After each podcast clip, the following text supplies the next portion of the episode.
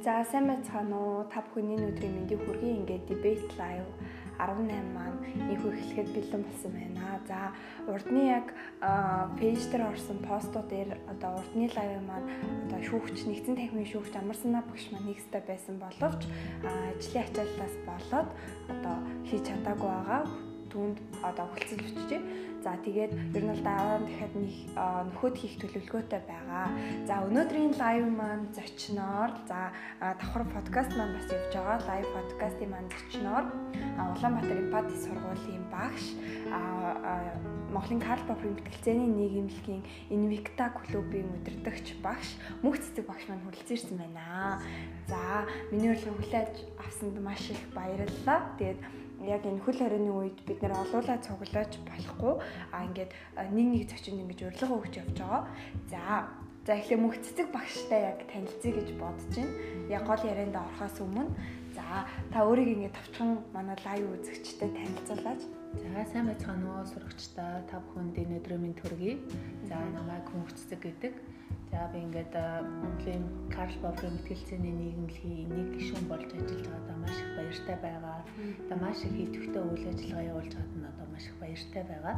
За ингээд Улаанбаатар Падэ сургуульд 5 дахь жилдээ ажиллаж байна. За ингээд ерөнхийдөө сүүлийн 3 жил мэтгэлцээний клуб ажиллаулж байна. За тэгээд өнгөрсөн жилээс эхлээд мэтгэлцээний шүүгчээр ажиллаж байгаадаа маш их баяртай байгаа.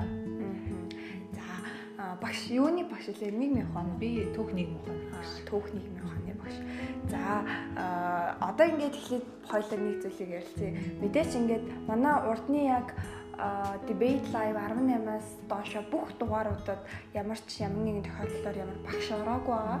Тэгэхээр өнөөдрийн live бол маш тийм шин live болж байгаа. Тэгэхээр бид нэр дандаа л ингээл мэтгэлцэн гэж юу вэ, шийдэл гэж юу вэ гэл ингээл мэтгэлцээний гişүүд ямар байх хэвээр вэ гэд ярьдаг боловч яг ганц удаач болоо ингээд яг багшны хувьд ямар байдаг вэ?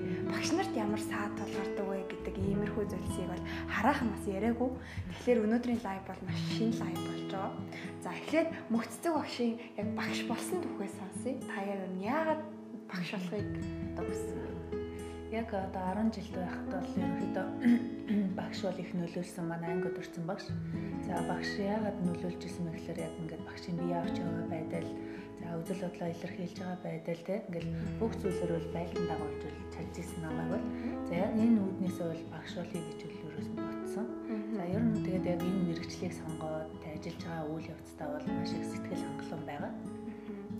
Яагаад сэтгэл хангалуун байгаа вэ гэхээр ерөөсөө хүүхэд гэдэг бол маш их тийм сургууль хөгжүүлэгч байдаг юм байна. Хүнийг ерөөсөө бид нар ингээ өөрөө багш гээд сурагчгээ харилцаад явж байгаа ч гэсэн хүүхдүүдээс алхам тутамдаа суралцдаг юм байна. Бидний одоо тий өнөөдөр чадахгүй байгаа зүйлийг тэд нар аль хэдийн чаддаг болцсон байна. Тэгээд дээрэс нь яг энэ одоо цоо шин үеийн тий одоо сэтгэлгээ нь өөр болсон, үзэл бодол нь өөр болсон. Яг энэ цаг үеийн хүүхдтэй хамт ажиллахад бол гоё байдаг. Өөрөөр хэлбэл тэднээс суралцаад явж идэг. Тэгээ ерөнхийдөө ингээд түүх нийгмийн ухааны багш бол ингээд маш өргөн цар хүрээтэй одоо тий ажиллах нөхцөл боломж бол байна. За жишээ нь ингээд мэтгэлцээний багш хийж гэн, мэтгэлцээний шүүгч хийж гэн. За ингээд хажуугаар нь яаж одоо хүүхдүүдийг хөгжүүлэх үү, хамт яаж хөгжих үү гэдэг тэр нөхцөл байдлаа судлаад явдаг гэсэн. Тэгэхээр бол яг хүүхдтэй ажиллаж байгаа орчинд бол ерөөсөө бүх зүйл их сайхан одоо болж үтэх талаас илүү бүтэмжтэй байдаг.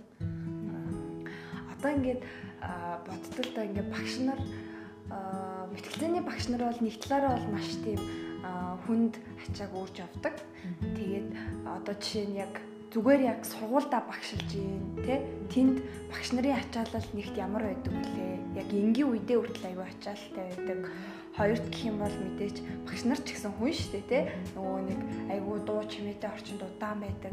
А тэгсэн хэрнээсээ мэтгэлцээний клуб бас ингэж давхар өдөртөж явдаг тэгэхээр яг одоо яг ингээд таны энэ клубт яг сэтгэлээ зориулах тий цаг заваа тэр хүүхдүүдэд зориулах болсон хамгийн том шалтгаан юу ерөөсөө ингээл бид нар бол жишээ мэтгэлцээний клуб маань ингээл 5 цагаас ахуулаад хичээл дуусны дараа эхэлж байгаа юм л да. 5 цагаас эхлээл ороо бүр 9 10 цаг хүртэл мэтгэлцээ суучдаг 4-5 цагийн турш. Ингээл энэ хугацаанд бол хүүхдүүд ядардгүй ерөөсөө. Багшаа багшаа одоо дахиад нэг тоглолт хийчихье гэл ингээ гуйгаал те. А бид нар бүр ингээл өөрсдөө нэг манай сургуулийн бас онцлог байна. Дотор байртай учраас хүүхдүүд маань 10 цаг хүртэл ингээд мэтгэлцээнийхээ клубт очдог байсан. За ингээд бүр 5 цагаас суулаад 10 цаг хүртэл ингээд бэлтчихэд маргааш нь өглөө 8 цагт ажилдаа ирнэ гэхэд бол их актер ядарсан даа биш те бүр ингээд тэднээс бүр илүү урам одоо хүч аваад тэгэл за манай хүүхдүүд ийм их одоо урам зоригтой байгаа юм чи би одоо ядарч болохгүй шүү те бид нар одоо энэ жилийнхаа улсын аврагтай амжилтад оролцсон шүү гэл. Хамгийн гол нь нөгөө хүүхдүүд маань тоглолтоос тоглолтын оронд маш их сайжирдаг ерөөсөө ингээл тэмцээнд ороод анх удаага орж байгаа хүүхдүүд маань ч гэсэн ингээл маш их хэмжээгээр ингээд олон зүйл суралцаа гарч ирдэг За манай хүүхдүүд ингээл уйлал гарч ирнэ, нинээлдэл гарч ирнэ. Гарч ирснийхаа дараа муудна. Тэгэл өстө дахиж би энтэй уулзахгүй юм шиг царил яв гэж. Дараа нь за за багаараа өстө дараагийнхаа тоглолтноос гэл. За энэ тоглолт яах вэ гэл. Тэгэл явцгааж идэг. Тэгээд маш гоё идэг юм доо мэтгэл цэний клубыг ажиллуулах. За хүүхдүүд маань өөр маш их сонирхолтой байх нь бол багшийг маш их хөтэлдэг. Тэгэхээр хүүхдүүд сонирхолтой байх тусмал багш улам цаашаа явъя л гэж одоо зүтгэдэг юм байлээ. Мэдээч яг клубыг бол багшгүйгээр төсөөлөхгүй. Тэгээд мэдээч багш нарын үүрэг орол, үүрэг оройл, тэгээ дээрэс нь оруулж байгаа хувь нэмэр бүр маш их байдаг. Тэгэхээр ямар ч тач танд бас таны клубын нэрийн өмнөөс бас баярлалаа гэж хэлмээрээ. За, лайв үзэж байгаа хүмүүс маань бас асуух асуултаа асууад яваарай. За, дараагийнх зүйл юу вэ гэхлээр одоо яг бүр одоо нарийн ширийн зүйл рүү орё л таалаа гэх юм бол одоо яг мэтгэлцээний багш ихэд одоо хамгийн тийм тулгардаг хүнд зүйлс байгаа юм. За яг одоо ингээл юу байна л да сонголт гэдэг зүйл аягүй хэцүү. Одоо жишээ нь тэмцээнүүд маань те зөвхөн нэг баг эсвэл хоёр баг гэж одоо хэлнэ. Тэнгүүд манайх ч одоо жишээ нь манай сургууль дээр хоёр клуб а нэг клубийн хоёр одоо баг ажиллаж байна Тэгэхээр ахлах дунд гээд хоёр багийн нийтдээ ингээд 18 18 ингээд 36 хүүхэд байгаа байхгүй. Тэгэхээр энэ хүүхдүүд дундаас хэнийг оруулах вэ? Тэгэхээр ингээд нөгөө хүүхдүүд аль болох л тий багш ингээд за тэр багийг оруулъя гэл ингээд багш ийм санал гаргах нь хүүхдүүд гомдно. За тэгээд багш нь за энэ багийг оруулчих дараагийн удаа танаа баг гэж хэлэх бас хэцүү. Тэгэхээр ингээд яг одоо ингээл ямар нэгэн байдлаар одоо тэг хүүхдүүдтэй чааш нь одоо тэг улам ихтгэлцэх сонирхлыг бууруулчихгүй байх үднээс аль болох тийм ээ. За энэ удаагийн тэмцээнд энэ багийг оруулах дараагийн та танаа багийг оруулъя гэдэг ч юм уу те. Ийм л сонголт хийхэд л маш одоо хүнд байдаг да ерөөдөө. Тэгээ ер нь бол хүүхдүүд маань өөрсдөө маш их сонирхолтой байдаг учраас одоо тэмцээнд аль болох орж те одоо олон зүйл суралцаж авдаг. Тэгээ мэтгэлцээний шүүгчээр ажилласнаас хойш бас өөрөө бас хүүхдүүдийнхаа яг үйл явцыг л мэдэрч юм л да. Яг ингээл тийм тоглолтын үеэр хүүхдүүд маш их сандардаг юм байна. Тэгэл ерөөсө хэлэгчээсэн санаагаа зорхигдуулдаг юм байна. Тэгэхээр яг хүүхдүүд маань одоо бэлтгэлийнхаа одоо бүх үр дүнгөл 100% тоглолтын дээр бас гаргаж чаддаг юм байна. Тийм тухайн үеийн сандрал те. Тэгэл нөгөө эсрэг багийн одоо үзүүлж байгаа тоглолтоос үүдэлтэйгээр ч гэдэг юм уу те. За Тэгэхээр ямар тач мэдээч яг мэтгэлцээнд мэтгэлцдэг одоо хүүхдүүд болон одоо мэтгэлцээ удирдах байгаа багшийн хувьд хоорондоо холбогддог нэг зүйл нь тухайн хүүхдүүд хичээл зүтгэлтэй байх тусам тэр зүйлээс амар их мотивац авдаг тий. Тэгэхээр ер нь бол манай хүүхдүүд ч гэсэн та бүхэн яаж идэвхтэй байна? Таны багш хүртэл яг тийм хэмжээний идэвх зүтгэл бас гаргана гэдгийг бас энэ талаар ойлгох хэрэгтэй болов гэж бодлоо. За дараагийнх нь нэг тийм хөгжилтэй зүйл ярмаар санагдлаа. За таныг ингээд яг шүүгч хийж хахад ч юм уу эсвэл багш хийж хахад яг мэтгэлцээний клубийнхаа багш хийж хахад нэг тийм хөгжилтэй танаа клубын дон ч юм уу нэг тийм хөгжилтэй зүйл болж ирсэн үү? Ер нь болж ирсэн байх л та. Паянгууд ч юм уу тэндээсээ бидэнтэй хаалцал. Ер нь бол яг хүүхдүүдийн дунд сэтгүүл нийттэй болно л та. За ингээд 9 сард хоёр одоо мэтгэлцээ манай сургууль дээр хоёр одоо баг байгаа. За тэнгууд хоёр клуб ажиллуулангууд баг олон ахлах дундаа ингээд ажиллуулалт хойлоод явна шүү дээ. Нээлттэй хийгээд 6 дугаар ангийнхнаас хавуулаад 11 дугаар анги хүртэл бүх хүүхдүүд маань орж ирсэн сууж байгаа. Тэгэл манай нөгөө мэтгэлцээний багш халиуж байгаа л шүү дээр хүүхдүүдтэй баярлалаа хийгээл мэтгэлцэгчийн тангараа өргүүлээд байжсэн чинь за ингээд хүүхдүүдээ ингээд маш сайн амжилтанд оролцоороо бүх тэмцээн орлоонд оролцоороо гэж чинь нэг хүүхэд гар өргөж чинь 6 дугаар анги хүртэл яасан за асуулт байгаа мó гэж гисэн чинь багшаа тантай хамт баг болж орж болохгүй. Тэгэхээр хүүхдүүд маань бүр анхан шатнасаа л тийм л ойлголтод орж ирж байна. Багштай хамт баг болоод орчиж болох юм байна гэж бодож орж иж байгаа байхгүй. Гэтэл бол энэ бол яг гурван гишүүний те одоо хамтарсан тоглолт болдгоо гэдгийг бол ингээл эхний өдрөөс ихтэл бид нэр суралцаал явдаг. Тийм үйл явдлууд бол зөндөө. Тэгээд ер нь бол мэтгэлцээний клубд багшлахад бол тухайн хүүхдүүдтэй бол маш дотн болдог баг тий. Ээж шиг нь, эгч шиг тий. Тэгээ зарим үед найз шиг нь гэж ярилцаж чаддаг ийм хүмүүс байдаг мэтгэлцээний багш нар. Тэгээ тийм болохоор бас илүү онцлогтой байдаг байх гэж би боддог. Тэгээ мэдээж нөгөө нэг саяхан нөгөө мэтгэлцээний мэтгэлцээний дурлагсад гэдэг групп дээрээ нөгөө мэтгэлцээнд болж исэн хөгжилтэй үйл явдлаас бичээч гэсэн чи хүүхдүүд бүр амар амар битсэн байсан. Тэгэхээр энэ бол тэндээс харахад л мэтгэлцэн гэдэг тэр чигээрээ тийм уйтгартай юм байдаггүй. Ямар амар хөгжилтэй, ямар амар хөгжил одоо хөгжилтэнгөө хөгжиж болдог тийм үйл явц байдаг юм бэ гэдгийг бас харуулсан байдаг. За дараагийн асуулт нь юу вэ гэхлээр яг одоо хүүхдүүдийн танд одоо яг хүүхдтэй харьцдаг тэр арга барилын талаар асуумаар байна. Тэгэхээр яг энэ подкаст болон лайвыг маань бас таавал мэдээж мэтгэлцээний 5 жилийн хөтөлбөр явахад тэндээ 3 жилд нь та байсан байна. Тэгэхээр мэдээж анхлан нөгөө клуб өдөртөж байгаа багш нар бас үзчихэж магадгүй тэр хүмүүс бас те зүгээр ангийн багш хийх нэг өөр те мэтгэлцээний өдөртөгч клубийн багш хийх бас нэг өөр байдаг юм аа. Тэрнтэй яг хүүхэдтэй яг яаж харьцилдаг вэ гэдгээс чинь асуумаар. Бид одоо ерөөс ингээл орой 5 цагаас 10 цаг хүртэл хамт байна. Тэр хугацаанд одоо мод сайнд нээж хөрөндөө заримдаа идэж уух юм аа хувааж идэн тэгэл бүр ингээл бүх цаг үед хамт байна. Өдөржин бас ингээл хамт байж байгаа. Тэг яг энэ үед бол яг яг бид нар бол найз нөхөд шиг байж чаддаг. Бүр ингээд нөгөө бүх зүйлээ ярьдаг хүүхдүүд маань ойр дотн байж чаддаг тэр тал дээр. Тэгэхээр яг хүүхэд багшаас нөгөө эмээх сэтгэл зүггүй те бүх зүйлээ энэ багштай одоо 100% те үнэн сэтгэлээс ярилцахад болно гэдэг тийм сэтгэл зүг үүсгэж л ажиллах нь чухал юм болов уу гэж бодож байгаа.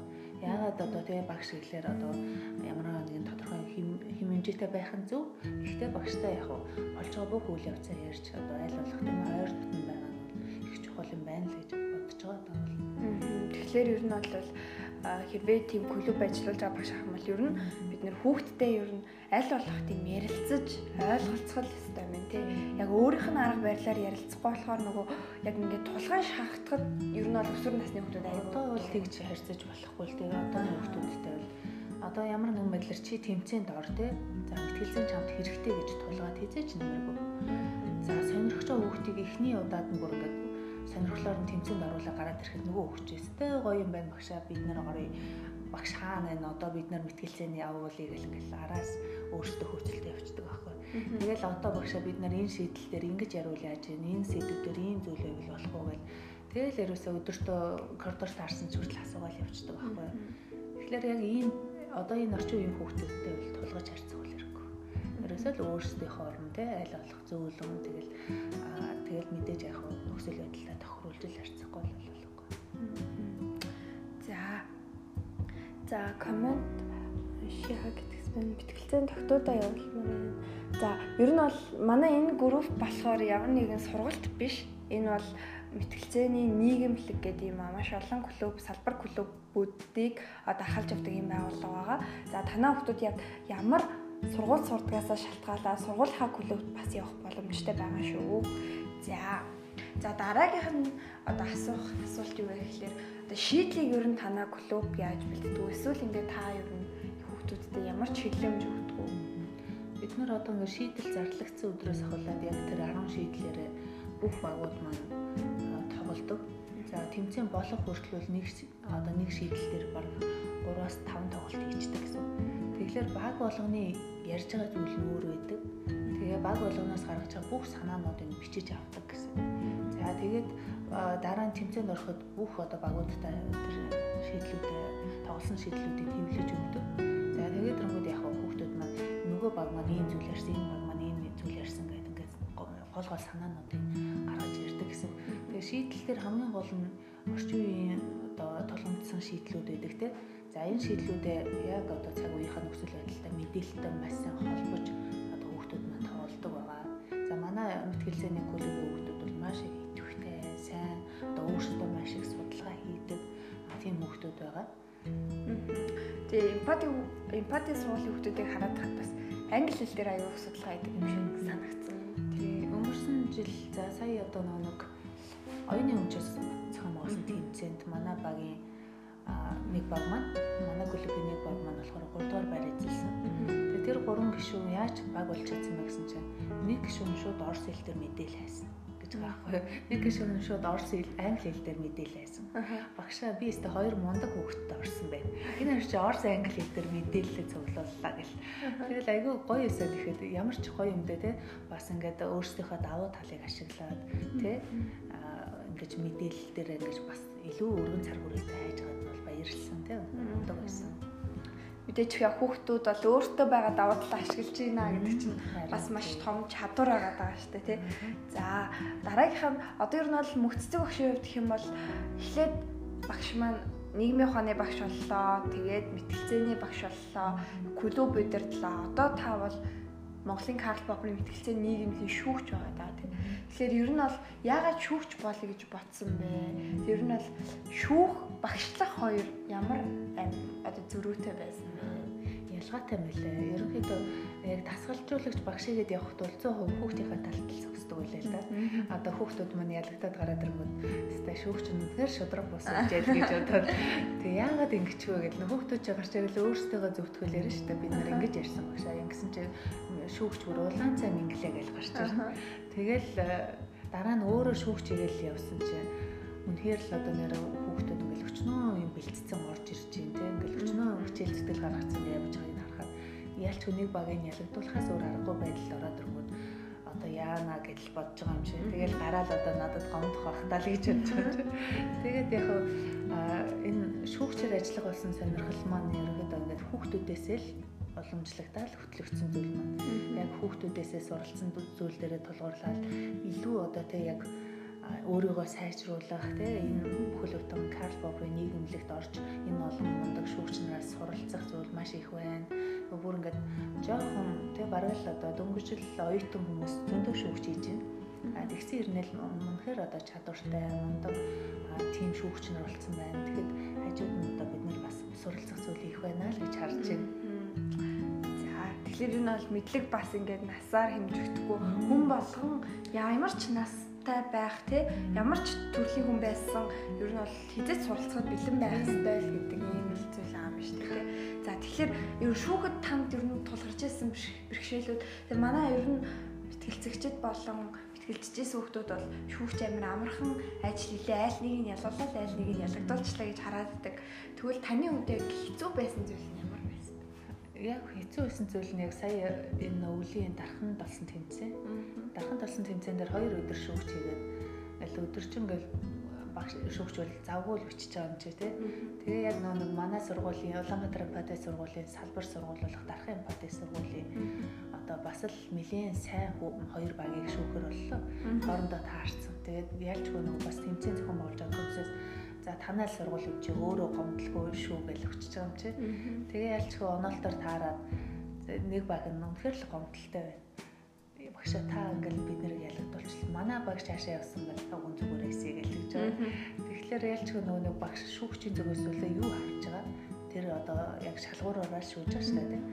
Тэгээд нөгөө нөгөө нэг ялагдсан багийн хүүхдүүд нь орж ирэл гомдол мэдүүлж байгаа багшаа та үнэхээр ялгаатай л шүүлээ.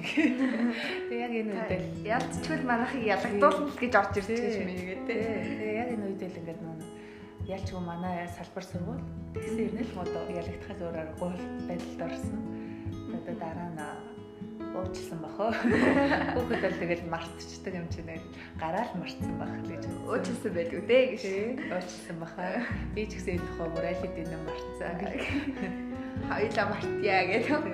За мэдээж мэтгэлцэн шүүгүүд бол тодорхой ер нь бол хүн хүнийг нь харж үдэггүй ямар нэгэн тухайн хүний те бусаас онцгой чанарыг нь харж үдэггүй зүгээр л тухайн хоёр багийн ярьсан юм дээр нь шүүлтэх хэрэгтэй те тэгэхээр нь бол мэтгэлцээний шүүгчийн ажил гэдэг бол нэг талаараа хүний гомдоож байгаа ч гэсэндээ маш хариуцлагатай юм ажил байна гэж би хардаг.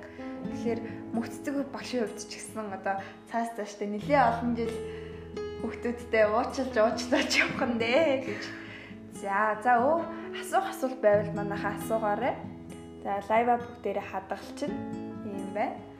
За энэ нөгөө коронавирустай холбоотой бас идэв да. Одоо танах ингээд мэдээч нөгөө клубын үйл ажиллагаа зогссон байна. Тэр нь бол хүүхдүүд нь яг ямар хуу байна нөгөө амралтын байдалтай байгаа болохоор. Аа. Манай хүүхдүүд яг тусдаа тийм пэйж групптэй. Аа. За ихтгэлцээний пэйж групптэй. Тэгээд аа бас чат групптэй хоорондоо бас шийдлүүдийн талаараа ярьж илэн. Тэгээд ерөөхдөө бас одоо ингээл нэг яалчгүй амралт болсон учраас тал тал тийшээ мэтгэлцэн бол хүнийг маш сайн нэгтгэдэг юм байна. Ерөөсө баг болгож ажилуулдаг юм байна. Тэгээд нөгөө нэг тал талд байгаа хүүхдүүд манай яг одоо ингээл хэдий ярилцж байгаа ч гэсэн бас одоохондоо бол бас улсын аврагтаа сайн бэлдэж амжаагүй л байна. За одоо ингээл хөл хорой тавигдаад эхлэнгүүд ялчгүй бүгдээрээ анцаа шумлал орно доо. Тэгээд манахаас багууд маань одоо өрсөлдөж бол нэг баг эхлээд оруулна. Тэгэхээр яг таны сая хэлсэн үгнээс нэг үг аягүй таалагдлаа. Мэтгэлцэн хүүхдүүдийг аягүй сайн нэгтгэдэг юм байна гэдэг. Тэгээд ер нь хүмүүс ингээд одоо хүнийг харж найзаа сонгохдоо хүртэл одоо бид нар ямар нэг юм хатдаг штэ тий энэ хүнтэй зан чанар тохирох уу ийм ийм тохирох уу? Гэтэл мэтгэлцээний найзаа сонгохдоо зүгээр л мэтгэлцэж болохоор нөө за мэтгэлцээ гэл ингээл. Тэгээд ингээд шууд одоо урд нь таньжаад нөхөрлөхгүйгээр одоо юу гэх юм ингээд мэтгэлцэх замдаа би биенийхээ аашийг мэдэж те арга ивэн олж тэгээ би биенийхээ сул талыг нь нөхөж ингэж мэтгэлцдэг. Тэгэхээр энэ мэтгэлцээ хүүхдүүдийн яг хүмүүжил төлөвшөлт бас аюу сайнаар нөлөөж байгаа юм шиг харагддаг. Тэгэхээр таны хувьд энэ тал дээр ямар бодолтой байдаг? Ерөөсөө мэтгэлцэн чинь хүүхдэд ямар чадвар олгож байгаа гэхээр яг маш олон талын чадвар олгож байлаа. Нэгдүгээр багаар ажиллах, хоёрдугаарт нь одоо мэдээлэлтэй ажиллаж сурна. За гуравдугаарт нь одоо өөртөө ихтэй байдал. За дөрөвт нь ингээл одоо яг бусдын арга ивийг олж зохицож амьдрах, ажиллах энэ нөхцөл байдлыг бол аягүй сайн суулгаж байна. Тэгэхээр хүүхдүүд нэг мэтгэлцээнд нэг баг болж ороод дараагийн мэтгэлцээнд багаас солиоч юм уу ингэж оролцсон нь одоо ер нь бол хэрэггүй багтаа өмнө ч яваа гэж л ер нь багийнхаа хүүхдүүдэд дээ. Яг тэгэхээр та гурав эхнээсээ нэг баг болоо явцлаад тодорхой хэмжээний зохицоод тэмээ хооронд ажиллах хэрэгтэй. Тэгэхээр манай хүүхдүүд бол ерөөсөө маш их тийм одоо ярьж байгаа зүйлтэй ихтгэл үнэмшилтэй ярьж чаддаг болсон байна. Дээрээс нь үзэл бодлоо маш сайн илэрхийлдэг болсон байна. Тэгээ ер нь одоо асуудалт тийм ээ дүн шинжилгээ хийгээд өөрийнхөө үзэл бодлыг их сайн тусгаж өгдөг болсон байна. Тэгэхээр энэ бол яг энэ орчин үеийн хүүхдүүдэд бол маш сайн чадвартай тодорхой зүйлд өөрийн гэсэн үзэл бодол байр суурьтай болж байна гэдэг бол тийм За нэг талаараа мэтгэлцээ одоо яг таны ярьсан ярианаас сургуулаад ярих юм бол мэтгэлцээ хүнд айгүй тийм үнэт зүйл алгаж байгаа. Тэгэхээр бид нэр ямар нэг юмнаас шүүлтүүр хийж одоо ингэж бодож эргцүүлж чаддаг болсон байна гэдгийг цаашлаад насанд хүрээд ямар нэгэн байдлаар нэг улс төрийн сонгуул тий хамгийн чухал сонголт хийдэг иймэрхүү зүйлд ороход хүртэл өөрийн гэсэн байр суурьтай тий өөрийн гэсэн харах өнцгтэй юм. Мэтгэлцээнээр хичээлээд байгаа шалтгаан чинь тэр шүү дээ. Ерөөсөө л ирээдүйд амьдрах иргэд маань тийм ээ хэн нэгэнд одоо тийм ээ тархиа угаалахгүйгээр одоо өөрийн гэсэн сонголтоо хийх чадвартай болдог. Дээрээс нь өөрийнхөө үзэл бодолд үнэнч байж чаддаг тийм. Тэгэхээр шийдэлч гэсэн нэг багийн тийм ээ энэ шийдлэлээр бат зөксгөх шаардж байгаа шүү дээ. Энэ одоо баталнаа л гэсэн бол тийм батал нотлох байгаа бол тийм. Тэгэхээр яг энэ талаасаа бол хүүхдийг үзэл бодолтой болгох энэ чадвар бол аюулсаа болгож байгаа. Тэгэхээр өөрийн гэсэн үнэт зүйлтэй үзэл бодолтой үнэн чи ийм хүмүүс ирээдүйд илүү одоо яг байх нь манай улсыг хөгжил бас сайнэр нөлөөлнө гэж бодож байна. За хоёрын цаг дуусгаад бас төгсөн байна. Тэгээд яг лайв төгсөөс өмнө танаас бас нэг бүр асуумаар санагдсан нэг асуулт байсан. Энэ нь юу вэ гэхээр одоо ингээд ямар үед та ингээд яг мэтгэлцээний багш болсондоо хамгийн их ингэж баярлаж дотроо ч юм уу гаднаа ч юм уу ингэж илэрхийлж баярлдаг бай. Ямар үед бүр хамгийн онцгой тэгж баярлж байсан үе байгаа. За мэтгэлцээний багш бол болсондоо баярлж байгаа үйл үзгэвэл хүүхдүүдээсээ суралцсан зүйлүүдээ гэж бодохоор маш олон зүйлийг суралцсан байна. Буцаагаад би яг хүүхдүүдэд юу сургаж байгаа гэж бодохоор за би яг өөрийнхөө өвлөр дуурайлаар тийм ээ өөрийнхөө үзэл бодлоор за өөрөөсөө ийм ийм чадваруудыг хүүхдүүдтэй багийнхаа гишүүдтэй суулгаж идэх ингээ харахаар тэр дээр хүүхдүүд ингээд бүр ингээд үзэл бодол тэрэндээ байр суурьдаа ихтэй байгаа. За тэгэл эсвэл ингээл нөө нэг өөрийгөө илэрхийлж байгаа. Дээрэс нь эцэг эхүүдийн одоо тий сэтгэл ханамж тий одоо мэтгэл зайнаар яваад манай хүүхдийн гоё зүйл суралцлаа. Одоо гэл эцэгхээс ирж байгаа магтаал тий энэ бүгдийг сонсоод бол үнэхээр одоо баярлж исэн. Ерөөхдөө бас өнгөрсөн жилийн багш нарын мэтгэл зайны улсын аврагт оролцоод одоо тэгээ энэ манай багийн амжилт бол манай одоо хүүхдүүдийн биднэрт сургасан одоо чадвар байна л гэж бас харж ирсэн. Тэгэхээр бол яг мундаг одоо тэгээ хүүхдүүдээсээ хүртэл их зүйл суралцж байгаа нь хүртэл бүр энэ мэтгэл зайны багш гэж одоо баярлах үйл явуулсан гэж хэлж болно. За. За ингээд өнөөдрийн лайвт маань бидний урилгыг хүлээн авчтай энэ хэцүү гадаа хэцүү байгаа ч гэсэн та ингэж бидний урилгыг маш тийм гоёор хүлээж авсан. Тэгээд танд маш их баярлалаа. Тэгээд таны цаашдын ажил, шүүгч, багш хийх бүхий л цаг хугацаанд бүхий л ажил үйлсэдтэй хамгийн өндөр амжилт хүсье. Тэгээд мэдээж мөх цэцэг багшаар өдөрдүүлж байгаа бас бүх сурагчдад бас амжилт хүсмээр байна. За тэгээ өнөөдрийн лайв болон подкаст маань өвгөр өндөрлөж байна. Тэгээ бид нарыг үзсэн хүмүүстээ маш их баярлалаа. За баяртай. Баярлалаа. Баяртай. За сайн байцгаана уу? Та бүхэн энэ өдрийн мэндийг хүргэе. Ингээд debate podcast-ийн маань 3 дугаар дугаарыг их эхэлж байна. За өнөөдрийн дугаарын зочдоор байгаль хэлцээ ахлах сургуулийн мэрэгэн тэргүүн Тэмүүлэн Ануужин За нар оролцож байна. За өнөөдөр бид гурав мэтгэлцээнээр хичээлснээр одоо мэтгэлцээнээр хичээлдэг хүүхдүүдэд гардаг саад бэрхшээл түүнийг хэрхэн давж туулсан хичээллэх ямар үр дүнтэй гэсэн одоо сэдвүүдийн талаар ярилцах гэж байна. За за ануужин тахилы ануужингаас эхлээд асуулт асууя гэж бодлоо. За ануужин ер нь мэтгэлцээн гэдэг зүйлээр хичээллээд яг хэдэн жил болж юм. Ер нь анх яах яагаад хичээллэж эхэлсэн бэ? За мэтгэлцээний хичээлүүд одоо 2 дахь жилээ өгдөж байна. За анх бол яг байгаль хэлцээ ахлах сургуульд 10 дугаар ангид орж ирээд хэнийг ч танихгүй нэг шив шин ертөнцтэй анх танилцж байсан. Яг тэр үед орж ирж байхад ингээд спикерээр мэрэгэн мэтгэлцээний клуб эсэлтээ авч ийн гэдэг ерхэд бол анх тэгж мэрэгэн клубт бүртгүүлж байсан. А тэгээд яг хэнийг ч танихгүй ингээд би айгүй ичимхий ерөөсө хинтээ ч яг үндэ юу ч ярихгүй ингээд тийм байсан яг тэр үедээ болохоор яг мэрэн клубт орж ирээд хэдий ихэндээ жоохон ичмхүү байсан ч гэсэн цааш цааштай ингээд суралцаад ярьж ингээ өөрийнхөө үзэл бодлыг зөвөр илэрхийлэх тусам илүү ихээр ингээд харилцааны чадвар маань сайжраад анх бол яг тэгж мэтгэлцэнтэй танилцсан. Аа. За мэтгэлцээнэр хичээлснээр чиний одоо яг урд нь чи амар гацаж төвдөрдөг, сандардаг байсан ч юм уу эсвэл ингээ яг хичээлснээр чамд үүссэн ямар ямар давуу талууд вэ? За түрүүн хэлсэнчлэн айгүй тийм ичимхий байсан. Тэгээ би яг ингээ өөрийнхөө дотны танилын хүрээний хүмүүстэйгээ аягүй чөлөөтэй ингээд дотн харьцдаг. А түүнээс бол яг шинэ ертөнцид ингээ орж ирээд өөрийгөө танилцуулах ч юм уу яг өөрийнхөө үзэл бодлыг чөлөөтэй илэрхийлэх тэр аягүй асуудалтай байсан гэж боддог. Тэгээ ерөөсөө ингээд чив чимээг ингээд чив чимээгүй ингээ ангидаач ямар ч оролцоогүй сургуультаараач тэр ингээ ямар ч оролцоо байхгүй байдаг байсан. Тэгээ ингээ анх яг мэтгэлцээнэр хичээллээд ингээ харилт ингээ мэтгэлцээнэр хичээллээд ер нь хэнийг ч танихгүй тэр танхимд эндэр дээр гараад ихтгэл хилцүүлнэ гэдэг бол яг анх эхэлж байгаа хүний хувьд бол айгүй амаргүй даваа маш их сандран тэгээ үг хэлээ мартаж гацна. Яг тэр зүйлүүд дээр ингээ дахин дахин тавтаж алдаагаа ингээ засаж яг тэгж сайжруулснаар бол илүү их сайжирсан болов гэж боддог. Тэгээ ерөөд бол харилцааны чадвар бол маш сайжирсан. За тэмүүлэнгийн хувьд анх ер нь ямар одоо байдлаар мэтгэлцээнд тэ холбогдож байв. Тэгээ мэтгэлцээнд одоо мэтгэлцээнд хичээлснээр чамд гарсан ямар ямар өөрчлөлтүүд байна. За би анх өмнөх сургуультай байгаль хэлхцээ ахлах сургуульд сурахаас өмнөх сургуультай анх мэтгэлцээж эхэлж исэн.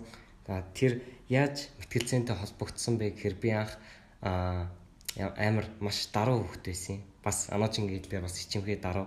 Тэгээд тийм байжгаад мэтгэлцээнд найзуудыгаа дагаад орцсон. Тэгснээ анх удаа ингээл ихтгэл тавьж үзээл, мэтгэлцэж үзээл. Тэгэл ингээд авах тусам маш сонирхолтой санагдаад тэгээд анх анх удаага мэтгэлцээний тэмцээнд орж үзээд тэр дүүргийн авраг байсан анхны тэмцээн. Тэнд орж үз а үдсэнд үзээд юу 16 шилдэг 16-д орсон юм. Тэгээ шилдэг 16-д орсны дараа ялгцал та. Тэгээд хэдий тийм боловч гэсэн энэ маш сонирхолтой санагдаад а тэгээд үүний дараа зуны амралт болцсон. Тэгээд ямар ч мэтгэлцэн байхгүй, ихтгэл байхгүй, ямар ч тийм хичээл байхгүй, тийм аа байсан болохоор мэтгэлцээнээр баг багаар цангаж эхлээд тэгээд шин сургуульд орсон юм бас байгаль хэлэх захлах сургууль. Тэгээд шин сургуульд орсон, шинэ ангид орж байгаа шин хичээлийн чихэл эхэлж байгаа ахлах ангид орж байгаа гэдэг утгаараа шинэ хүн болъё гэж бодоод өөрчлөлт хийгээд өөртөө тэгээд мэрэгэн мэтгэлцээний клубт анх орж ирсэн. Тэгээд тэр цагаас хойш мэтгэлцээнд бүр улам их дурлаад тэгээд мэтгэлцээний сонирхолтой болсон байгаа. За тэгээд мэтгэлцээнээр мэтгэлцээнээс олж гарсан бэрхшээлүүд гэх юм бол миний хувьд маш их тийм дарамтууд иржсэн хичээлийн хажуугаар мэтгэлцээнээр мэтгэлцээнээр хичээлэн түүний хажуугаар манай сургууль өөрөө байгалийн ухааны гүнзгий сургууль болохоор маш бус сургуулаас баг зэрэг олон цагтай тэгээд дээрэс нь МОС-ийн мэрэгжлийн багш нар ордог болохоор бас маш их дарамттай байсан. Тэгээд ерөөс амралтын өдөр гэж байгаагүй надаа. Тэгээд амралтын өдөр байгаагүй тэр их хичээл зүтгэлийн үр дүнд аа өнөөдөр ингээд мэтгэлцээндээ бүр илүү их дурлаад байж байна. Тэгэхээр чиний хувьд бол мэтгэлцээ маш их тийм шинжилэл, өөрчлөл тэгээд маш том хичээл зүтгэлийн бас үр дүн байсан байна тий. За за тэгвэл яг одоо энэ подкастыг магадгүй нөгөө манай мэтгэлцээнээр хичээлдэггүй дөнгөж хичээлж эхэлж байгаа ч юм уу тийм хүмүүс сонсч иж магадгүй. Тэгэхээр тэр хүүхдүүдэд хандаад ер нь яг тэр хүүхдүүдэд хандаад яг та хоёр ингээд 2-оос 3 жил хичээлсэн байна шүү дээ. Тэгэхээр ямар нэгэн саад бэрхшээлүүдийг та хоёр ингэж давж туулсан байна. Тэгэхээр тэр хүүхдүүдэд хандаад ингээд шантрахгүй байх хэд хэдэн шалтгаан хэлээч. За ерөөхдөө бол яг хоёр зүйл хэлье гэж бодлаа. За эхнийх нь болохоор ингээд тэмцээнд ингээ оролцдог. Тэгээ тэмцээнд оролцоод ингээ хамгийн ихнийхээ тэмцээнд оролцоод ялагдчихгууд ингээ шууд шантарчдаг. Тэгээд миний хувьд гэвэл яг миний анхны тэмцээн анхлан байсан. Хэдий ингээд ерөөсөө хожигдоогүй ч гэсэн яг ерөөсө хожигдоо явж байгаа явцсан ч гэсэн яг тэр үед би ингээ ерөөсө хожиг хожигдохыг баг ингээ ерөөсө үйл ошоогоо зүгээр л мэтгэлцэх дуртай байсан. Тэгэл за хожиж гин нэгэр гарч гин за нуглаа ингэчлээ тэгчлээ гэдэг надтай хүндээ ингээ би тэрэн дээр ерөөсө төвлөрөл өгөхгүй зүгээр л ингээ мэтгэлцээд энэ дээр гарах ингээ надад амар тийм сонирхолтой. Тэг хамгийн гол нь тэрэн дээр өмнө айгүй их бэлдсэн байсан учраас ингээ ингээ гарч өөрийнхөө ингээ хийсэн юмыг ингээ үнэлүүлэх гэж байгаа юм шиг тиймэрхүү байдлаар бол айгүй мэтгэлцэх их тийм дуртай байсан. Яг одоо яг тэр хүмүүсийг хараад ангууд хэдий ингээд ялагдчихлаа гэд ингээд амар их шантарчдаг. Яг тэр зүйл дээр ерөөсөө тийм юм байж болохгүй. Зүгээр л ингээд яг үүндээ ялах ялагдах гэдэг бол яг үүндээ тийм чухал зүйл биш. Зүгээр л яг тэндээс мэтгэлзээнээр дамжуул та юу сурж яах гэхээр зөв яг өрсөлдөгч багтаага хүмүүсийн үгийг сайн сонсож сурж гин өөрийнхөө үзэл бодлыг ойлгуулж сурж гин а ингээд цаашлаа та ингээд эндэр дээр гараад ингээ тэмцээнд оролцож байна гэдэг чинь бас маш том амжилт юм шүү гэдэг бол бас хэлхий хүслээ. За хоёр дахь зүйл нь гэвэл бас түрүүн ингээд хэлсэнчлэн айгүй их ингээд дарамт тул ирдэг мэдээж. Тэгээд А миний хувьд гэвэл ингээд манай нэг багш юусэн ингээд мэтгэлцээ нэг нэг нүдэрэ чардгүй юм байсан. Тэгээ ерөөхдөө бол ингээд намаа ингээд мэтгэлцдэг гэдгийг мэддэг. Тэгээд чи ингээд мэтгэлцээл яваад байна уу гэж ерөөхдөө ингээд жоохон ингээд басамжилсан маягтайгаар айгүй их тийм үг хэлдэг байсан.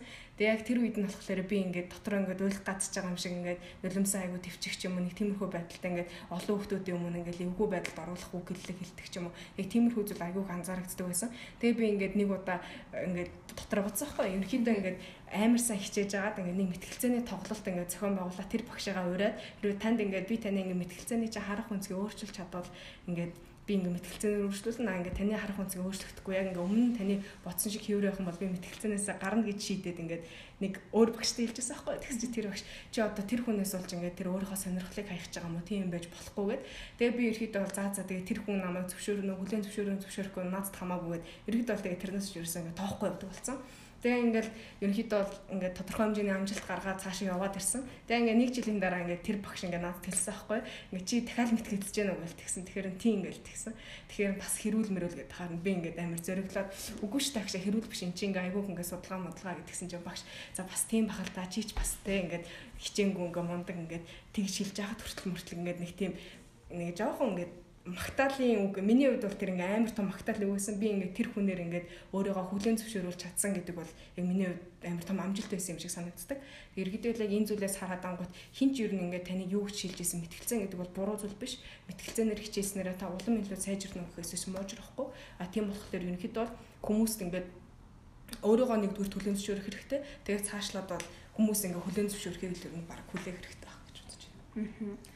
Эхлээд өөрийгөө өөрөө өөртөө хүлээн зөвшөөрөөд дараа нь хүнээр хүлээн зөвшөөрвөл хөтлөх тэр хүртлээ айгүй мундаг хөдөлмөрлөх хэвээр байна гэдэг маш сайн ойлголоо.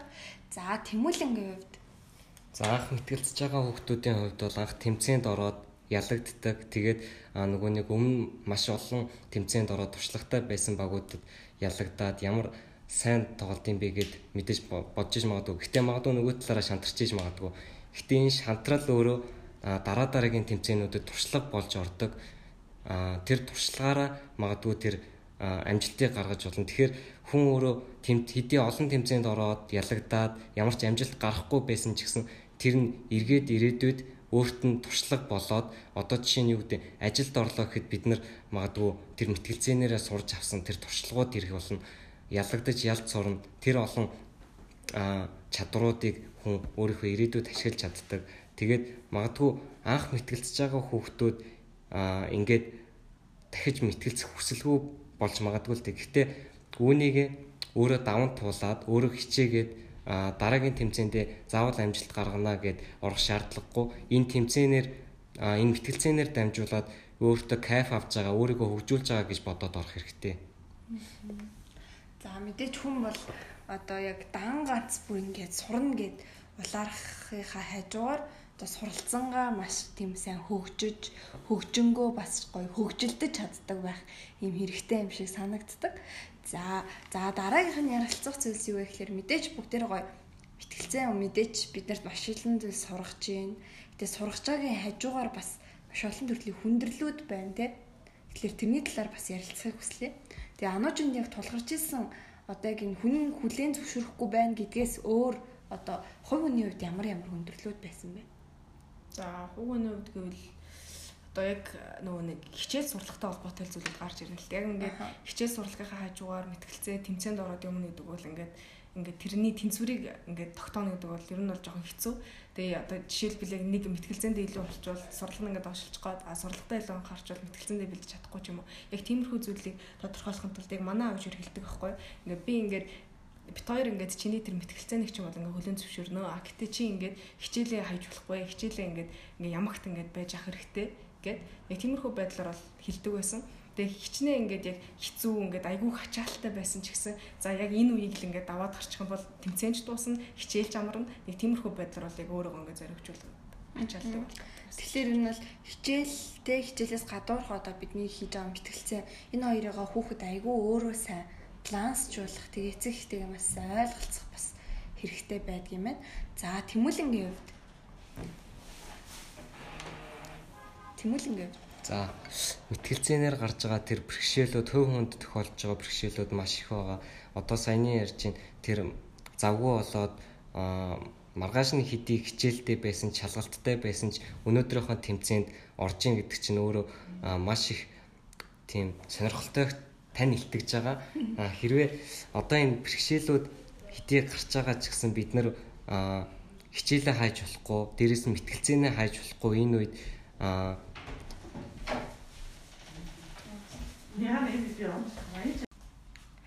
За сайн байцгаана уу? Та бүхэнд энэ өдрийн мэндийг хүргэе. Debate podcast-ийн маань 3 дугаар дугаарын их эхэлж байна.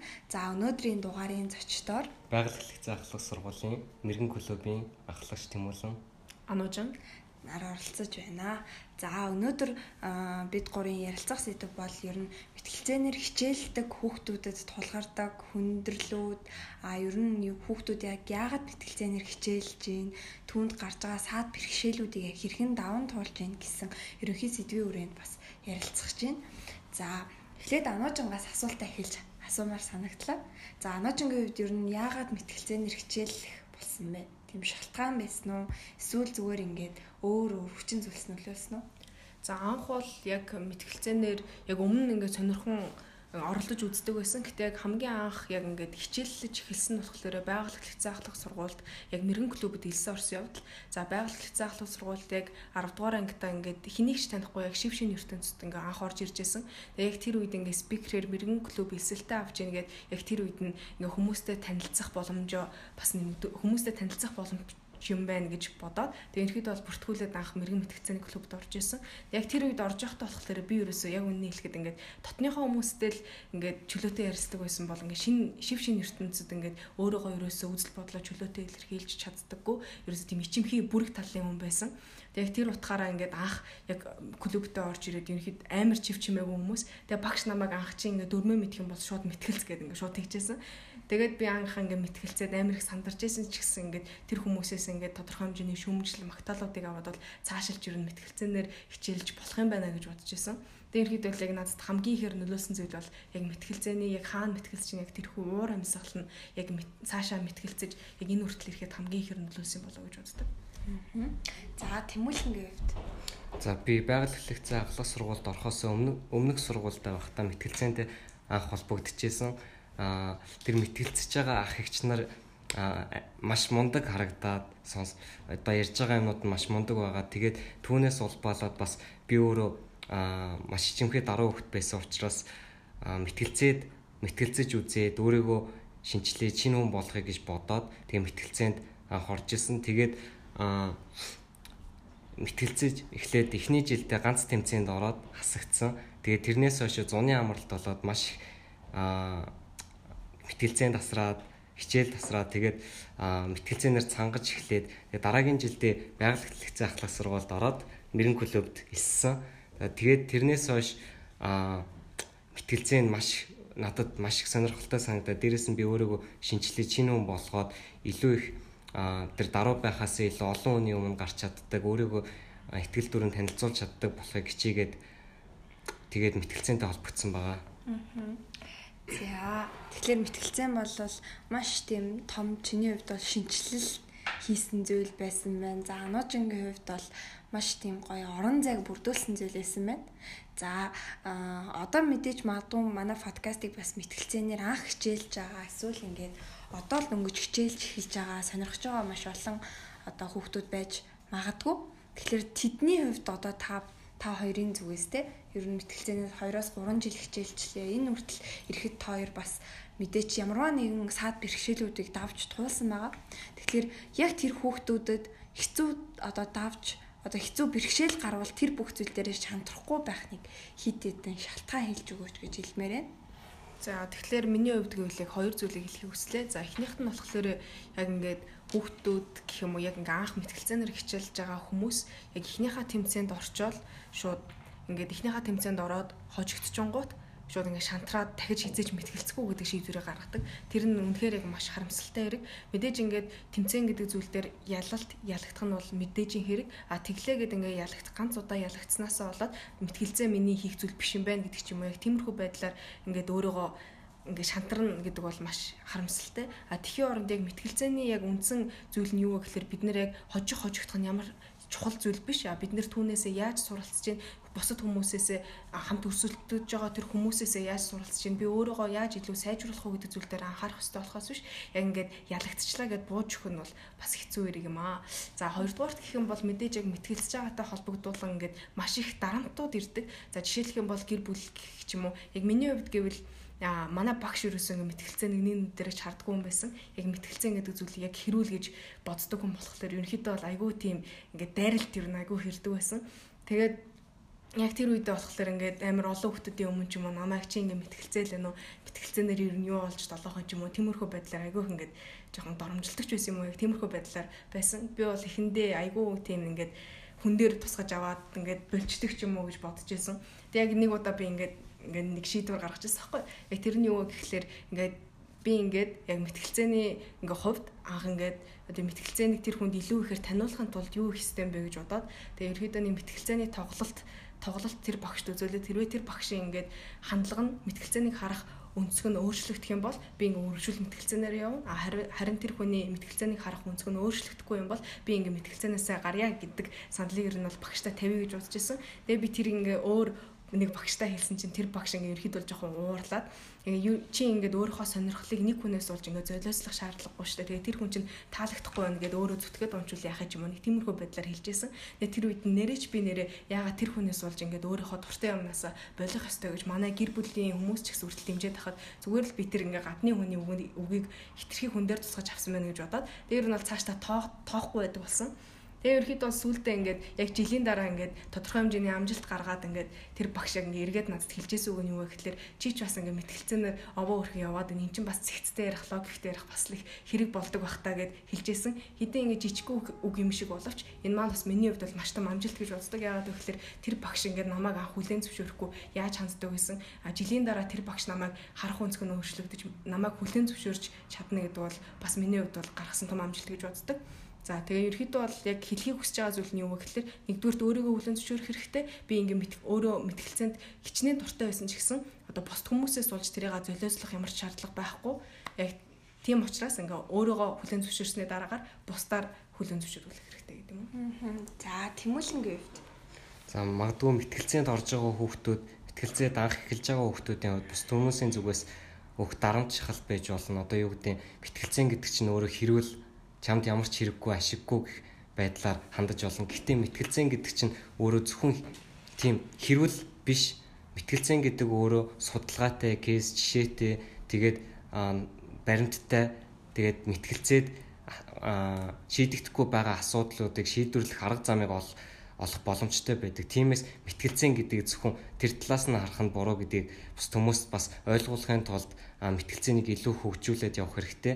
Бас тэгээд бэтгэлцээнээр хичээлснээр бас хичээлийн хажуугаар маш их дарамт ирнэ. Бэтгэлцээний хичээлийн хажуугаар бэлдэн, бэтгэлцээний тэмцээндээ бэлдэн гэдэг бол маш маш их дарамт байдаг. Нойргүй хонох өдрөөтч байна, амралтын өдөрч байхгүй болох магадaltaй. Тийм учраас мэтгэлцэн өөрөө хэдий тийм ч гэсэн таны ирээдүйд маш их зүйлийг бий болгож өөрийг чинь хөгжүүлж өгч идэг.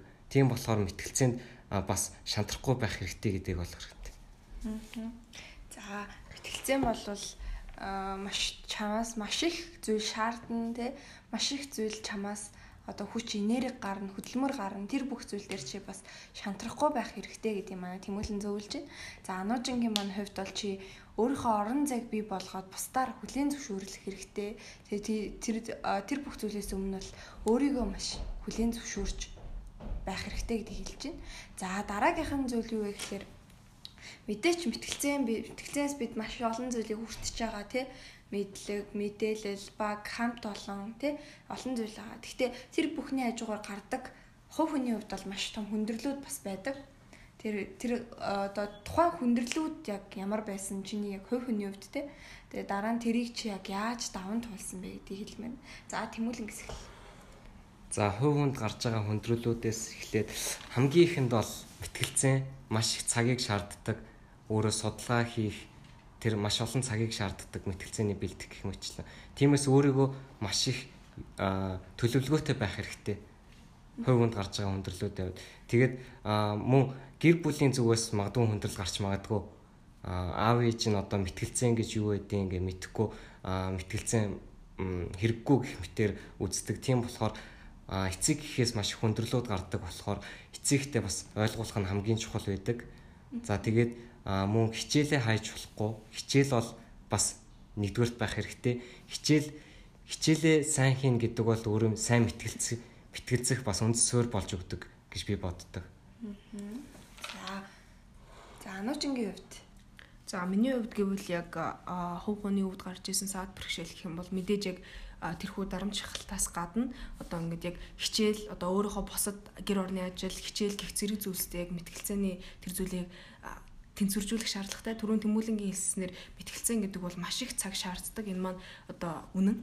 Тэгээд ерөнхийдөө бол яг ингээд яг ингээд хичээлээ мэтгэлцээ хичээлээ зохицуулах мэтгэлцээнээ хичээлийнхаа цагийг мэтгэлцээнийхаа цагтаа зохицуулах гэх мэт зүйлүүд бол байх шаардлагатай л гэж бодож байна. Тэгэхээр ер нь бол цагаа маш сайн төлөвлөж тэр хоёрыг балансжуулах хэрэгтэй тий.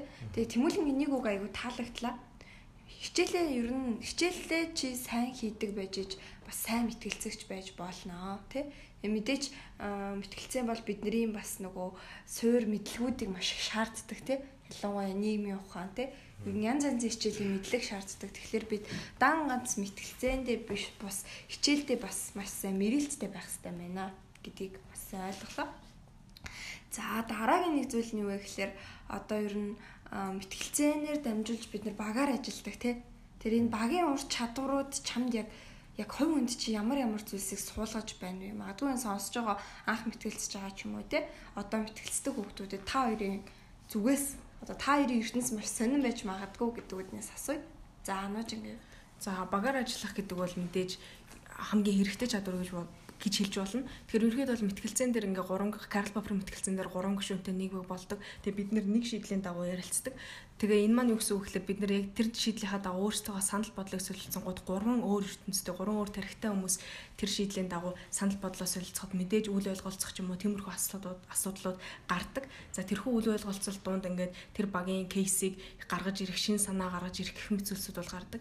Тэгээ ерөөд бол багийн хамгийн чухал зүйл нь юу гэхээр би бинийгээ хамгийн сайн ойлгох хэвээр тэр хүнд юу тохиолдсон байна гэх зэрэг зүйлээс ахуулаад тэр хүний хэлэх гэсэн санаа нь юу юм бэ гэдэг зүйлүүдийг бол маш сайн ойлгох хэрэгтэй. Тэгээ тоглолтуудын явцад ч гэсэн тэр хүний хэлж чадаагүйг нөгөө гишүүн нөхөх ч юм уу нэг тиймэрхүү байдлаар бол би бинийгаа заавал нөхөж явж яадаг. Тэр ч утгаараа багаар ажиллах одоо баг гэдэг зүйл бол мэтгэлцээний хамгийн үнэтэй зүйл. Мэтгэлцээнээр дамжуулж олцсон бас хамгийн үнэт зүйлүүдийн нэг бол мэдээж баг.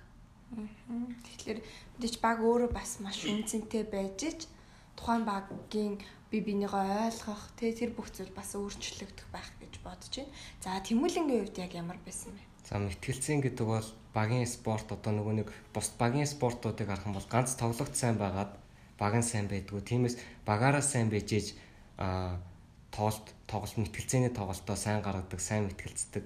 Тэгээд тэр баг сайн баг сайн тоглохын тулд өөрсдөө сайн ойлголцдог байх хэрэгтэй. Би бинийгээ хүндлээд хүндэтгээд хэдий мэтгэлцээний бэлдэх явцад үл ойлголцох зүйл гарах ч гэсэн эргээд түүнийгээ давуу тал болгоод түүнийг мэтгэлцээнийхаа шийдэлд ашиглаж болно. Тэр няцаалтуудад ашиглаж болно. За мөн шинэ мэтгэлцэж байгаа хүүхдүүдийн хувьд бол бага бас багийнхаа гişүүдийг ямар хүүхдээр авах уу ямар хүүхдтэй баг болох уу гэж магадгүй магадгүй тэр зүйлийгэ мартаад хинтээс баг болсон бай ойлголцоод сайн бүгдээрээ сайн тоглохыг хичээх хэрэгтэй гэж хэлмээр байна. За баярлалаа. За Тэгэхээр яг хувь хүн болгонд гардаг маш олон хүндрэлүүд байгаа л да тий. Тэгэхээр та хоёрын хувьд гэх юм бол энэ жоохон гонхтой асуулт гэх. За хам ер нь бол мэтгэлцээд явж байгаад ер нь хамгийн их хизээ хамгийн их шантарч байв яг одоо л яг болий гэд. Тэгээ тэрний дараа яагаад чи болоогүй одоо энд сууж байгаа юм бэ гэдгээ бас хэлж өгмөр санагд хэлж өгөл зүгээр. За түрүүнд дурдсанчлан ингээд яг нөгөө нэг тэр багшийнхаа дарамтаас болсон. Энэ энэ яг ингээд нэг нэг цаг үед болсон байхгүй яг юу болсон бэ гэхэлэр яг нөгөө нэг эрхийн мэдээ болсон. Тэгээ яг тэрнээс өмнө нэг анхланд орцсон, тодорхой хэмжээний амжилттай явцсан байсан. Тэгээд эрхийн мэдээ дээр ороод жоохон бадрангуй орцсон. Тэгээ эрхийн мэдээ дээр оронгууд бүр ингээд эхнийхээ тоглолтын дээр хусагдаад тэгээ би зоноос ч гарч чадахгүй хожигдсон. Тэгээ ерөөхдөө бол яг эндээс болоод энэний дараа нь багштай дахиад багшийн дарамт дээр нь ингэсэн чи ингэ мэтгэлцэнээр яасан ийсэн гэл нэг тиймэрхүү яг тэрнээс хойш л ерөөхдөө за одоо ер нь болд юм уу да гэл нэг тиймэрхүү өнгө айс тэг үгти мэдрэгдэжсэн. Тэгээд хамгийн гол нь ингээд сэтгэл зүйн хувьд бол айгүй их ингээд готарж исэн гэх юм уу. Ерөөс ингээд чадахгүй юм байна, болигээ. Тэгээ хинч намайг дэмжихгүй юм байна гэдэг зүйлүүд бол гарч ирж исэн. Тэгээ яг эндээсээ яаж гарсан бэ гэхлээр яг зөвхөн нэг л хүн дэмжихгүй байсан юм байна. Намайг дэмждэг зөндөө олон хүмүүс байгаа юм байна. Наад зах нь манай гэр бүлийнх нь намайг маш ихээр дэмжижсэн. Тэгээ чи ингээд мэтгэлцээнээрээ чи ингээд одоо чи мэтгэлцээнээр ингээд цаашдаа явах боломжтой. Тэгсэн ч гэсэн чи хичээлээ хайж болчих хичээлээ хайж болохгүй а чи мэтгэлцээнээр ингээд цаашаа хичээл ингээд чамд сайн гэдэг бол бид нар мэднэ гэдэг зүйлээр бол гэр бүл аягүй их дэмжижсэн. Тэгээ тэр ч утгаараа мөн адил багш клубийн хамт олон гэдэг зүйлүүд ч юм уу маш ихээр дэмжижсэн учраас бас энд байгаа болоо гэж бодож байна. За Тэмүүлийн гэв. За миний хувьд бол мэтгэлцээнээр тэмцээнд дараа маш олон удаа ялагдчихсэн, ялж исэн үеуд байгаа. Гэхдээ энэ ялт ялагдлууд аа сүүлийн үед сүүлийн үед яахаа хэнийг хэсэг хугацаанд шантрал авчирсан энэ шантралыг яаж даван туулсан бэ гэхээр би а энэ мэтгэлцээнээр маш их зүйл сурч байгаа надад намайг ялгцсан ч гэсэн багш нар хамт олон гэр бүлийн зүгээс найз нөхдийн зүгээс маш их дэмжлэг үзүүлж ирсэн. Тэгээж би өөрөө а маш их мэтгэлцээнээрээ а улсын аваргад орж үзээгүй байхгүй юу. Тэгээд а улсын аваргад орох хүсэл маш их байсан. Тэгээд тэр ч утгаараа би хичээгээд үзье одоо шинэ хүн болоод шинэ өөрийгөө дахиад шинжилээд үзье гэж бодоод тэгээд мэтгэлцээний өдөө хүртэл ингээд мэтгэлцээд явж байна. За мэтгэлцэн бол ингээд дан ганц бас ингээд бид нэг шийдэл аваад хоёр талбайг болоод мэтгэлц гээс гадна биднэрт бас маш олон төрлийн чадваруудыг суулгадаг тий багаар ажиллах тий наацхан бас өрсөлдөж сурдаг яг зүгээр өрсөлдөж бас сурдаг юм шиг санагддаг. Тэгээ та хоёрын хувьд бас өөр өөр ингэсэн ур чадваруудтай өөр одоо бол одоо 2-оос 3 жил бэтгэлцсэн учраас өөрийн гэсэн юм арга барилтай бас болсон байх гэж бодож байна. Тэгэхээр хүүхдүүдэд маань ч гэсэн сонсож байгаа сонсогч хүүхдүүд маань ч гэсэн өөрийн гэсэн арга барилтай болох нь бас чухал юм шүү гэдгийг бас хэлмээр байна. За За дараа нь одоо хувь хүн талаас ч бас ярих гэж бодлоо. Та хоёр мэтгэлцэгч гэхээс илүү бас хувь хүн шүү дээ. За яг одоо яг ирээдүгөө яг яаж төлөвлөж гин ер нь одоо яг ирээдүйд ямар ямар ямар сургуульд орно гэж бодож гин гэдэг талаараа ярил ямар мэрэгчлээ болно гэж бас бодож байгаа вэ? За би байгаль Мойсын харьяа байгаль хэвцээ ахлах сургуулийн сурагч. Тэгээ ерөөхдөө бол яг ахлах сургуулаа төгсөөд а Moist бол нисэн орох бодолтой байгаа. Тэгээ би өөрийнхөө мэрэгчлийг маркетингийн менежерээр сонгоцсон байгаа. Яг гэвэл би яг ингээд анх 7 8 дугаар ангита яг маркетингаар явах уу хуульчаар явах уу, хуулиар явах уу гэдэг талаар ингээд жоох эргэлзэжсэн. Яг тэр үедээ гэр бүлийнхэнтэйгээ маш сайн ярилцаад хууль, маркетинг гэдэг зүйл төр бол ингээд гаргаж дэлгэрэнгүй мэдээлэл гэх юм уу маш оновчтой тийм аав ээжийнхээ хариултыг бол авч ирсэн. Тэгээ ерөөхдөө бол яг маркетинг гэж сонгож байсан. Тэгээ ерөөхдөө бол яг хүмүүсийн анзаараад байгаагаар ингээм зүгээр миний анзаарж байгаагаар яг мэтгэлцдэг хүмүүс хэрхэн жоохон хууль руу их хуульч болоод идэм шиг санагддаг. Тэгээ хуулийн салбар руу айгүйх ордог. Тэгээ намайг яг бас анх ингээд мэтгэлцээ тэглэнгүүт яг манай багш ч юм уу чи ер нь жоохон хуульч талтай юм байна. Хууль руугаа ор гэж бас хэлжсэн. Тэгээ ерөөхдөө бол ингээд хуулийн талыг яг тэр үеэс эхлээд би бас хуулийн талыг бас дахиад жоохон бодож үзсэн. Тэгээ хууль чи ямар үлээ, хуулийн хуулийн салбар ямар үлээ, маркетинг ямар үлээ гэдэг. Тэгээ би яг тэр үед бодож байгаа хэвчээ саяхан нэгдсэн үндэсний байгууллагаас зарласан а нийгмийн entrepreneurship хөтөлбөрт хамрагдсан. За тэгээ яг энэ үедээ болохоор яг бизнесийн тал дээр тэр дундаа маркетинг яаж хийх үү? Тэр бизнесийг яг хэрхэн ингэж босгох уу? Тэр үед маркетинг яг ямар нөлөө үзүүлэх үү гэх зэрэг бол яг тэр талаар тодорхой хэмжээний туршлага хуримтлуулсан. Яг тэр үедээ өөрөө бас би хамгийн яг тэр хөтөлбөрийн хамгийн бага дандаа том том ах эгч нартай хамт ажиллаж исэн болохоор бас маш их туршлагыг хуримтлуулад ер нь бол өөрийнхөө ирээдүйн мэрэгчлэл төр бол яг маркетинг менежер гэдэг ер нь бол бацтай зогссон байна гэж. За. За Тэмүүлийн хувьд. За миний хувьд Аножинтай адилхан мост орно гэж бодож байгаа. Харин гадаад харилцааны чиглэлээр сурна гэж бодож байна.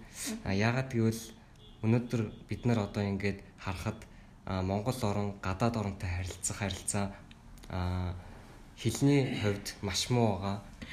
Тэр тэр утгаараа би гадаад харилцааны чиглэлээр сурах гэж бодож байгаа. Тэгээд мэтгэлцээний шийдлүүдийг мэтгэлцээний шийдлүүдээр ингээд судалгаа хийхэд хүртэл бид нар харагддаг гадаад харилцааны асуудал дээр алдсан байдал зэрэг нь намайг тэр мэрэгжлийг сонгоод хүргэсэн. За мөн тэгээд одоо гадаад харилцааны чиглэлээр сурахад хэлний асуудал бас маш хэл маш хэрэгтэй. Тийм болохоор би эхний жилдээ эхний 4 жилдээ олмостой бакалаврын зэрэгээ сураад за тэгээд дараа нь бол англи хэлээ улам бүр сайжруулж байгаа гадаадад мастрын зэрэгээр сурах төлөвлөгөөтэй байгаа. За. За мэдээч хүн ингээд хүрий гэсэн зүйлдээ яг хөдөлмөрлөж чадвал хүрч чадна. Тэгэхээр та хоёр бас яг энэ мөрөөдж байгаа ажил, мөрөөдж байгаа мэрэгчлээ эзэмшиж чадна гэдэгт бол итгэж байна. Тэгээд хичээгээрэй гэж бас хэлмээр. За дараагийнхын зүйл нь юу вэ гэхээр бид нар мэтгэлцээний шийдэл судалдаг тий гол юм бид нар шийдэл дээр мэтгэлцдэг.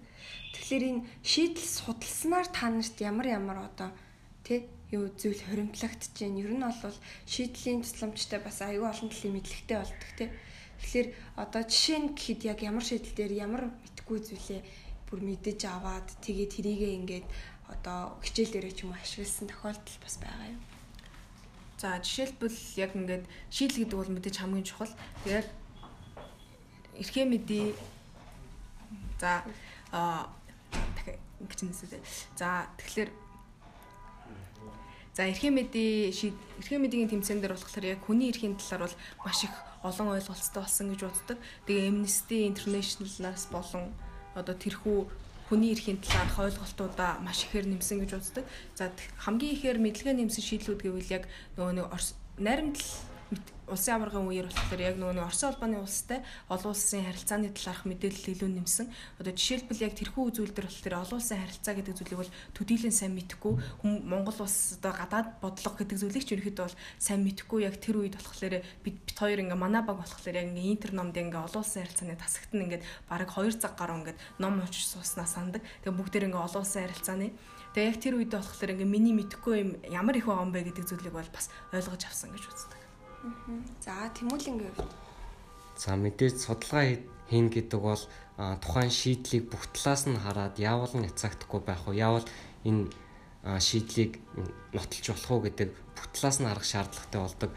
Тийм учраас одоо энэ мэтгэлцээ мэтгэлцээний шийдэл судлан гэдэг өөрөө маш их судалгааны ажлыг хийгээд эрдэмтний хэмжээнд одоо судлан гэх юм уу та тиймэрхүү зүйл байж олон. За тэгээд мэтгэлцээнээр дамжуулаад судалгаа хийж байгаа нь одоо нөгөө нэг одоо энэ жилийн шийдлүүдийг харах юм бол дандаа өнөө цагийн одоо цагийн одоо нөгөө нэг асуудлуудыг тусгаж өгснөөр маш их бид нарыг маш их өнөөгийн нийгмийн асуудлуудыг судлах шаардлагатай шаардлагыг бий болгож өгч байгаа. Тийм учраас бид нар яг өнөөдрийн нийгэмд юу болоод байгаа юу юу нь болохгүй байгаа яаж хийж болох вэ гэдгийг бас хардгаараа давуу талтай. За. За ингээд подкаст маань бас өндөрлөгт өгч байна. Тэгээ бас хамгийн сүүлийн асуулт руугаа орё гэж бодож байна. Тэгэхээр та хоёр бол мэтгэлцээнэр хичээлдэг мэтгэлцэгт сурагчид. Тэгээ ер нь бол бас өөрийн ирээдүгээ бас маш сайн төлөвлөсөн гэж бодож байна. За одоо та хоёр яг яг одоо бол 11 дугаар ангийн сурагч. Аа тэгвэл яг 10 жилийн дараах өөрийгөө ер нь би яг ийм болцсон байна да гэж бодож байсан уу? Ямар болцсон байна гэж нь төсөөлдөг вэ гэдэг асуултаар өнөөдрийнхөө подкастыг өндөрлөе гэж бодож байна. За анаа жангаас эхлэе. За 10 жилийн дараа 27 настай байна. Тэг яг тэр үедээ болохоор мэдээж яг би яг бакалаврын зэрэг хамгаалчаад тодорхой хэмжээний ажлын туршлага хоримжлуулчаад яг магистр хамгаална гэж үздэг. Яг 27 настад бол яг миний төлөвлөгөөгөөр магистра хамгаалчаад өөрийнхөө хүсэж исэн одоо компани байгуулна гэж боддог. Тэгээд яг уу энийг бол яг ингээ ил байдаг юм шиг хэрнээ ингээд жоохон далд байдаг миний нэг мөрөөдөл байдаг. Тэр нь бол за хэлчихв тий. За тэр нь болохоор яг ингээд forex гэд би нэг яг төсөл гэх юм нэг тиймэрхэн байдаг аахгүй. Тэгээд тэр зүйл нь юу вэ гэхээр би ингээд анх яг дүүгээ ингээд гадаа тоглуулж явахдаа ингээд амар ингээд имзэглэжсэн зүйл маань ингээд тоглоомын талбай бүр ингээд амар хүрлцэхгүй байгаа дэр бүр ингээд амар ингээд жоохон дургу үржсэн аахгүй юу. Одоо жишээлбэл юу гэдэг ингээд таван байрны дунд нэг тоглоомын талбайтай а тэгэнгүүтээ ингээд өөрсдийнхөө тэр харьяалагддаг улсын цэцэрлэгийнхаа тоглоомын талбайд орё гингүүт 100 нуу ингээд жижүүр нь манаач нар нь хөөчдөг. Тэгээ ингээд гуугаад гуугаад оронгууд ингээд захирал ингээд камераар хардаг ингээд хүүхдүүд тоглуулж болохгүйгээд тэгээ уулын тэр чинь ингээд хүүхдэд зориулагдсан байхад ягаад болтгүй юм бэ гэдэг зүйлүүд дээр жоохон эмзэглэжсэн. Яг ингээд тэр зүйл дээр харчаад би ингээд яг өөрийнхөө за бизнесийн саналыг бол санааг бол ноцолчих. Яг тэр зүйлийг харчаад яг ингээд би ингээд том болоод оффистай болсныхаа гадаа ингээд дүүрэн тоглоом парламент батаа болно гэдэг яг тиймэрхүү нэг мөрөөдөл юм уу? Яг тиймэрхүү зүйл дээр бол хурж исэн. Магадгүй 27 настайдаа өөрийнхөө яг тэр мөрөөдлийг биелүүлэхэд тулд бол явах гэж үзэж байна. Айгу маш гоё мөрөөдөл байна. Тэгээ чамаагс мөрөөдлөө биелүүлнэ гэдэгт итгэж байна. За Тэмүүлэнгийн хувьд. За би бол мастрын зэрэг хамгаалаад дөнгөж ажилд орж явах үе юм байна.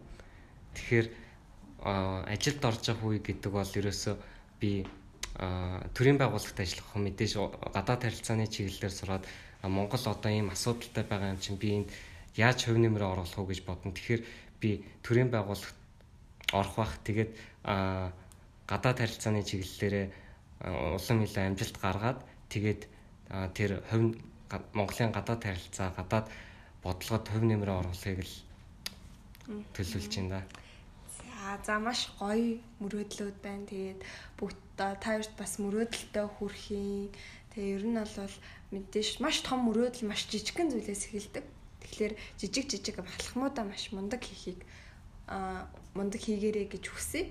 За тэгээд өнөөдрийн маань debate podcast 3 маань их өндөрлж байна. Тэгээд хоёрт оролцсонд ярилцсанд маш их баярлалаа. За